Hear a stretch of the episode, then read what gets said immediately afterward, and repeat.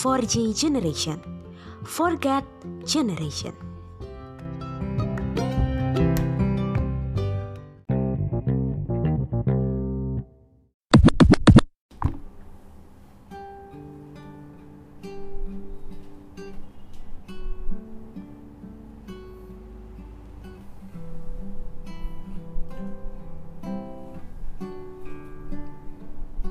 Shalom for years. Kembali lagi kita bertemu bersama-sama mau beribadah mendengarkan podcast hari ini. Sebelum kita mendengarkan podcast hari ini, saya akan membacakan ada satu ayat yang diambil dari 1 Korintus ayat 4 sampai yang kelima. Dan saya akan membacakannya. Aku senantiasa mengucap syukur kepada Allahku karena kamu atas kasih karunia Allah yang dianugerahinya kepada kamu dalam Kristus Yesus.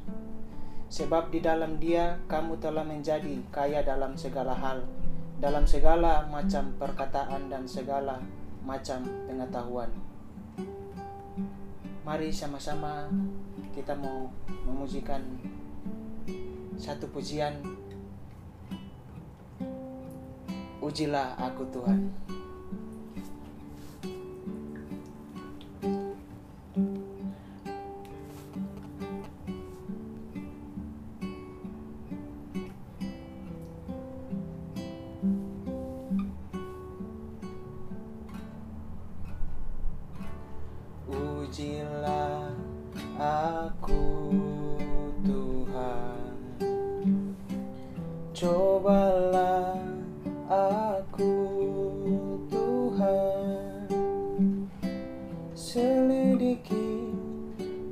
Batinku dan hatiku. Mataku tertuju padamu. Aku cinta padamu Tuhan. Aku rindu hadiratmu Tuhan. Aku ingin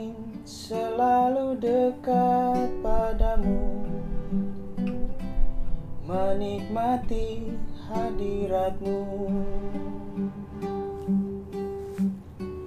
Ku nyanyi Hosana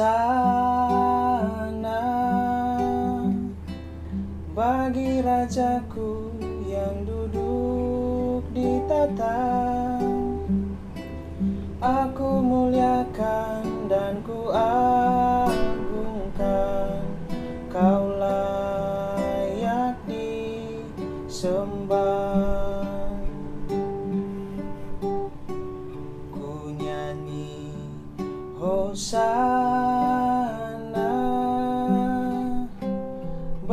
Rajaku yang duduk di tata. Aku muliakan dan ku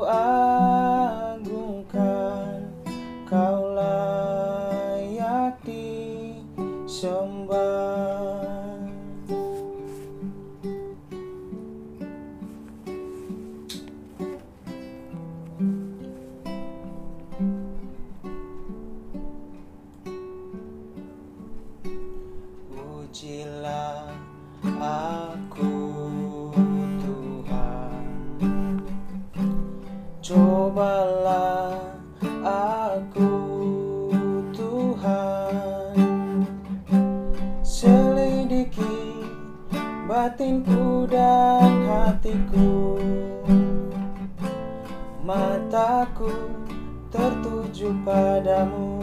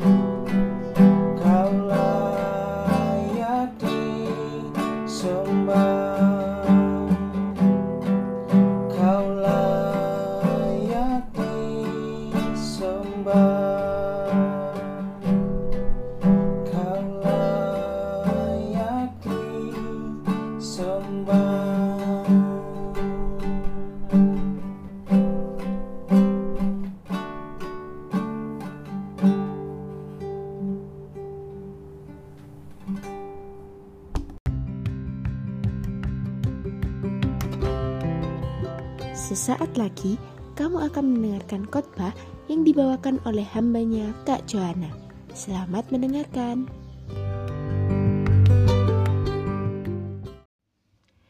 Shalom rekan-rekan Forgers. Kita bersyukur untuk satu minggu pemeliharaan Tuhan dalam kehidupan kita.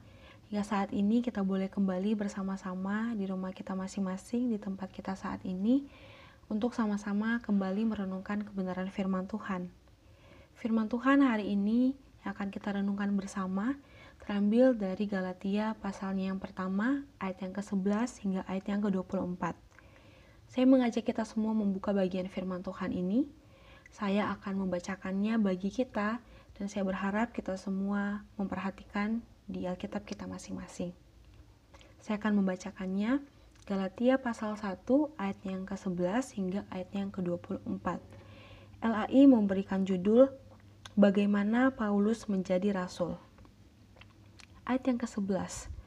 Sebab aku menegaskan kepadamu saudara-saudaraku bahwa Injil yang kuberitakan itu bukanlah Injil manusia. Karena aku bukan menerimanya dari manusia dan bukan manusia yang mengajarkannya kepadaku, tetapi aku menerimanya oleh penyataan Yesus Kristus. Sebab kamu telah mendengar tentang hidupku dahulu dalam agama Yahudi. Tanpa batas, aku menganiaya jemaat Allah dan berusaha membinasakannya. Dan di dalam agama Yahudi, aku jauh lebih maju dari banyak teman yang sebaya dengan aku di antara bangsaku. Sebagai orang yang sangat rajin memelihara adat istiadat nenek moyangku. Tetapi waktu ia yang telah memilih aku sejak kandungan ibuku dan memanggil aku oleh kasih karunia-Nya, berkenan menyatakan anaknya di dalam aku, supaya aku memberitakan dia di antara bangsa-bangsa bukan Yahudi. Maka sesaat pun aku tidak minta pertimbangan kepada manusia. Juga aku tidak pergi ke Yerusalem mendapatkan mereka yang telah menjadi rasul sebelum aku. Tetapi aku berangkat ke tanah Arab dan dari situ kembali lagi ke Damsyik. Lalu tiga tahun kemudian, aku pergi ke Yerusalem mengunjungi Kefas dan aku menumpang 15 hari di rumahnya. Tetapi aku tidak melihat seorang pun dari rasul-rasul yang lain kecuali Yakobus, saudara Tuhan Yesus. Di hadapan Allah aku tegaskan, apa yang kutuliskan kepadamu ini benar, aku tidak berdusta. Kemudian aku pergi ke daerah-daerah Syria dan Kilikia. Tetapi rupaku tetap tidak dikenal oleh jemaat-jemaat Kristus di Yudea. Ayat yang kedua tiga, mereka hanya mendengar bahwa ia yang dahulu menganiaya mereka sekarang memberitakan iman yang pernah hendak dibinasakannya. Ayat 24, dan mereka memuliakan Allah karena aku. Sedemikian jauh pembacaan firman Tuhan. Untuk meresponi kebenaran firman Tuhan ini, saya mengajak kita untuk sama-sama bersatu di dalam doa. Mari kita berdoa. Bapa, sungguhlah seharusnya namamu saja yang kami muliakan. Kami bersyukur kesempatan yang Tuhan karuniakan bagi kami setiap harinya untuk terus dapat merasakan kehadiran Tuhan yang nyata dalam kehidupan kami. Bersyukur untuk kebenaran firman-Mu yang boleh kami baca bersama dan hari ini hendak kami renungkan bersama. Di tengah segala keterbatasan kami, Allah Roh Kudus kiranya boleh datang ke setiap hati kami, mengiluminasikan kebenaran firman Tuhan ini, sehingga kami boleh mengertinya. Dan tolong kami, mampukan kami Tuhan, untuk boleh menjadi pelaku-pelaku firman-Mu. Tolong mampukan hamba yang terbatas untuk menyampaikan firman Tuhan ini, kiranya Tuhan yang boleh bekerja lebih daripada hamba.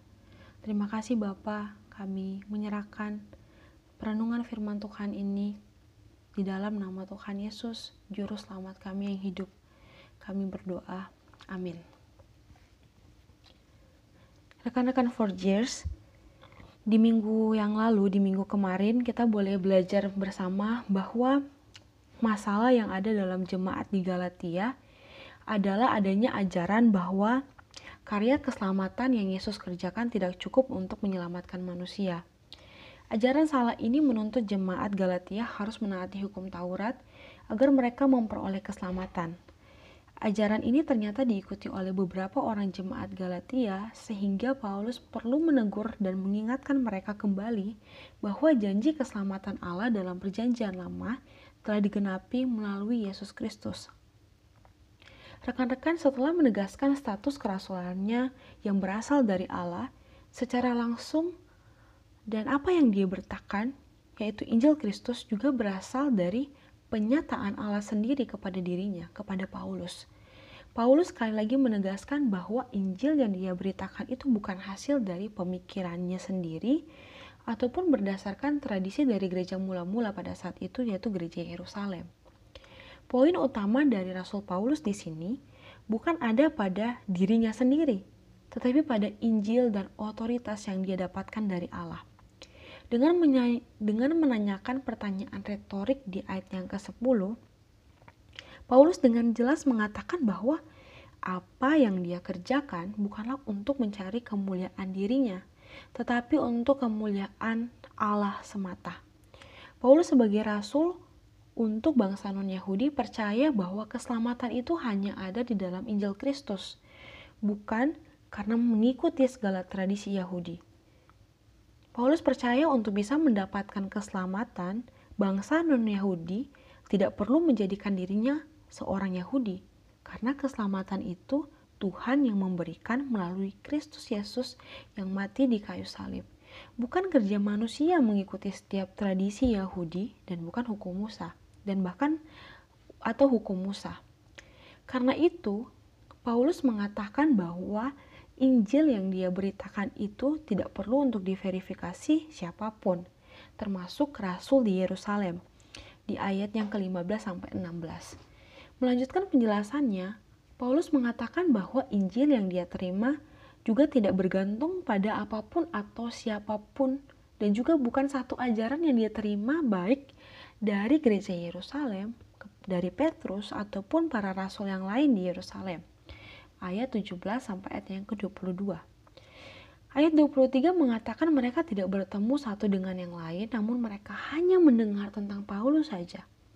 Hal ini dengan jelas menunjukkan kepada kita bahwa apa yang Paulus beritakan bukanlah karena apa yang dia dapat dari gereja di Yerusalem ataupun rasul-rasul lain di Yerusalem.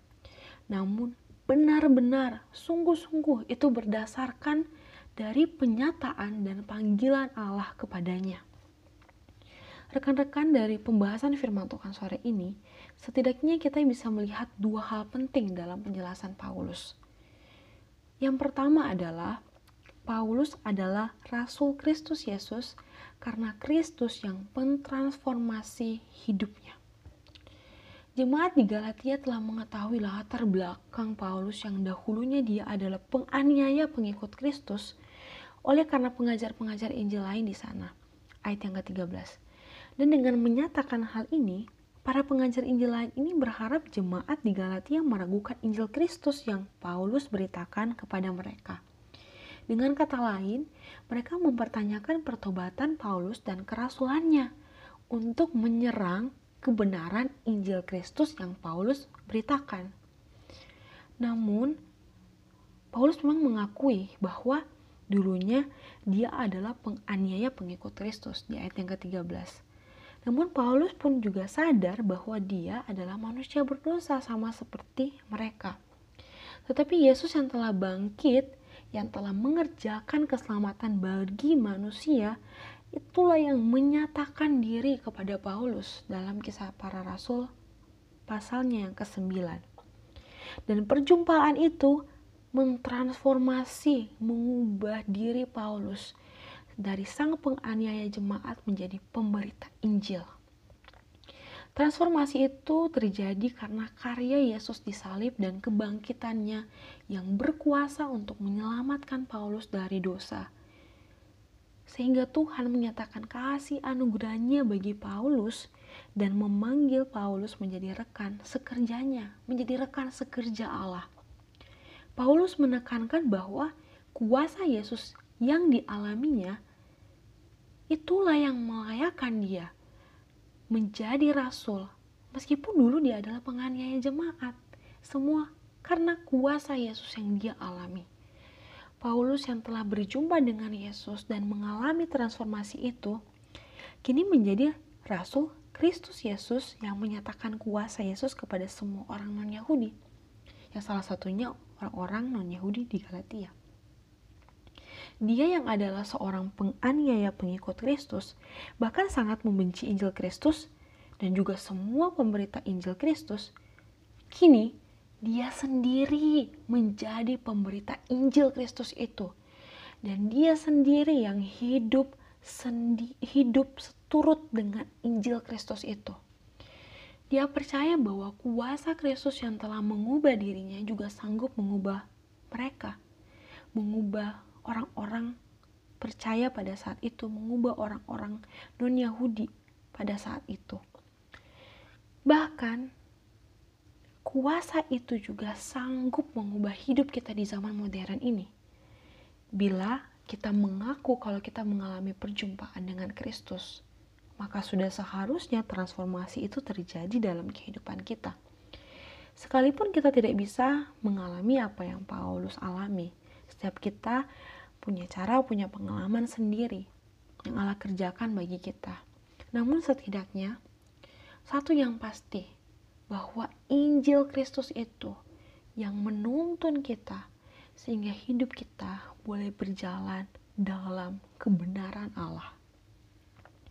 Rekan-rekan, hal yang kedua yang sama-sama boleh kita lihat penting dari penjelasan Paulus adalah bahwa Paulus adalah Rasul Kristus Yesus karena Kristus yang memanggil dan menyertai pelayanannya. Perjumpaan Paulus dengan Yesus tidak hanya mengerjakan transformasi yang merubahkan Paulus menjadi Rasul Kristus, tetapi juga memanggil dan menyertai pelayanan pemberitaan Injil yang Paulus kerjakan.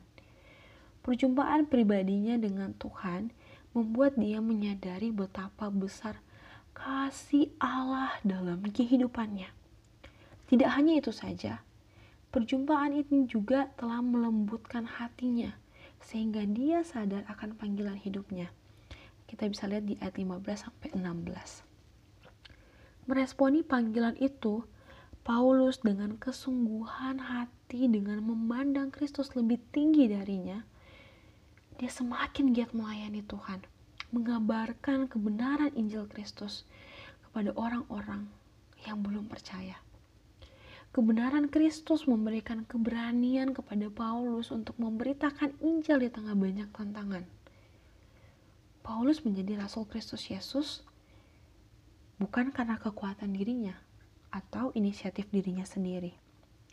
Bila dengan kekuatannya saja, meskipun dia orang yang sangat taat pada Taurat, tidak dapat membuatnya layak untuk mampu menjadi rasul Kristus Yesus dalam waktu yang begitu singkat.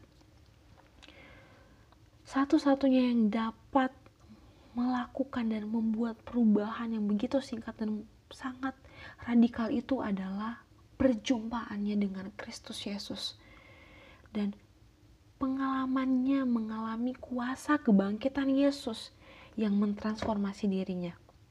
Paulus boleh mengalami anugerah Tuhan yang membawa dirinya pada keselamatan.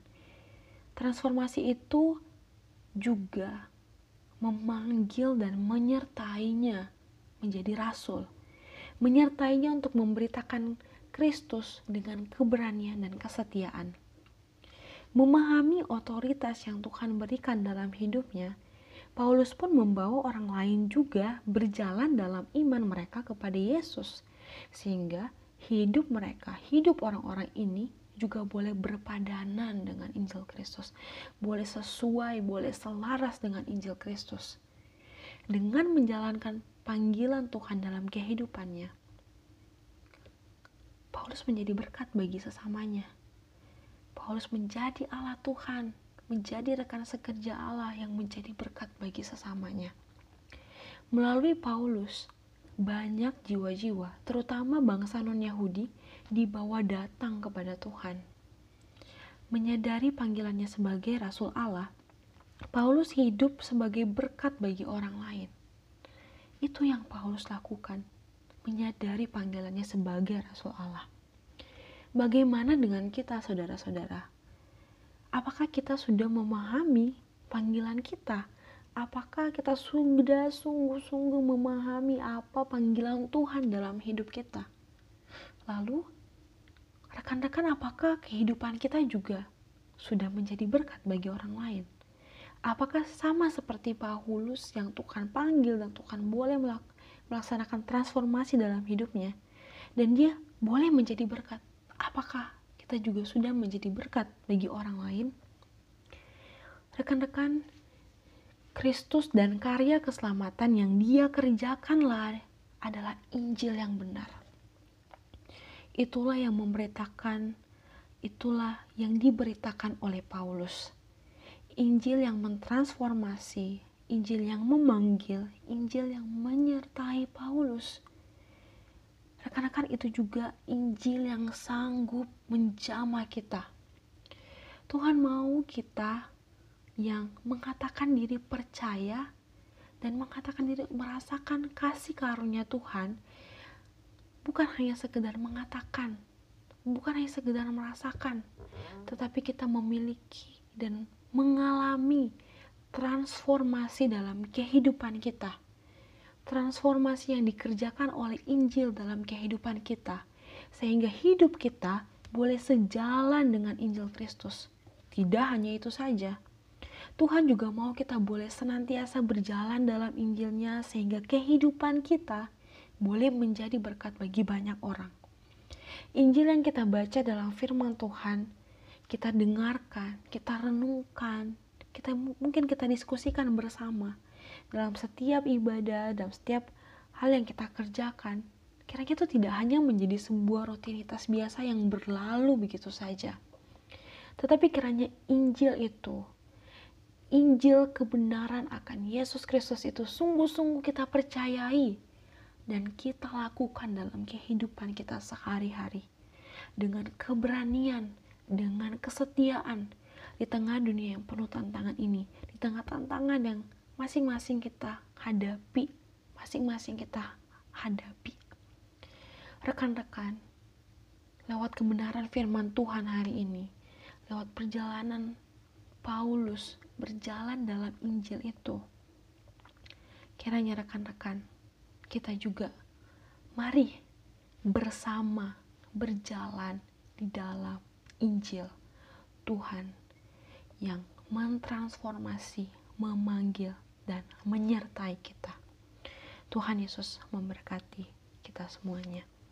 Mari kita bersatu di dalam doa. Allah Bapa yang pengasih, kami bersyukur untuk kabar baik yang Engkau sampaikan kepada kami. Kabar tentang Injil yang mentransformasi, yang memanggil dan menyertai Paulus, kami percaya juga itu akan berlaku bagi kami. Bapak kami memohon anugerah Tuhan, penyertaan Tuhan untuk kami sehingga kami boleh hidup terus berjalan dengan Injil itu, dengan kebenaran akan Engkau itu. Dan mampukan kami Bapa untuk menjadi anak-anakmu yang menjadi berkat bagi sesama kami. Kiranya Engkau yang boleh memampukan kami, boleh menolong kami di tengah setiap tantangan yang kami hadapi masing-masing. Kami percaya Engkau ada, Engkau mendengar, Engkau bersama-sama dengan kami. Terima kasih Bapak kami mengucap syukur dan berdoa di dalam anakmu Yesus Kristus Tuhan kami yang hidup. Amin. Tuhan Yesus memberkati kita semuanya.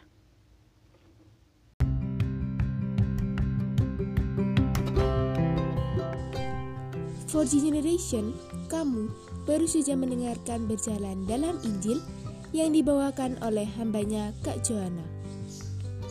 Dalam renungan kali ini, kita diingatkan kembali untuk senantiasa percaya dan merasakan kasih karunia Tuhan yang sanggup mentransformasikan kehidupan kita, sehingga kita boleh senantiasa berjalan dalam Injil Kristus. Dengan demikian, kita pun juga boleh menjadi berkat bagi orang lain. Jangan lupa ikuti pembacaan ayat Alkitab hariannya ya teman-teman di kitab Galatia. Dan juga nantikan ibadah online selanjutnya. Tuhan Yesus memberkati. For J Generation. Forget Generation.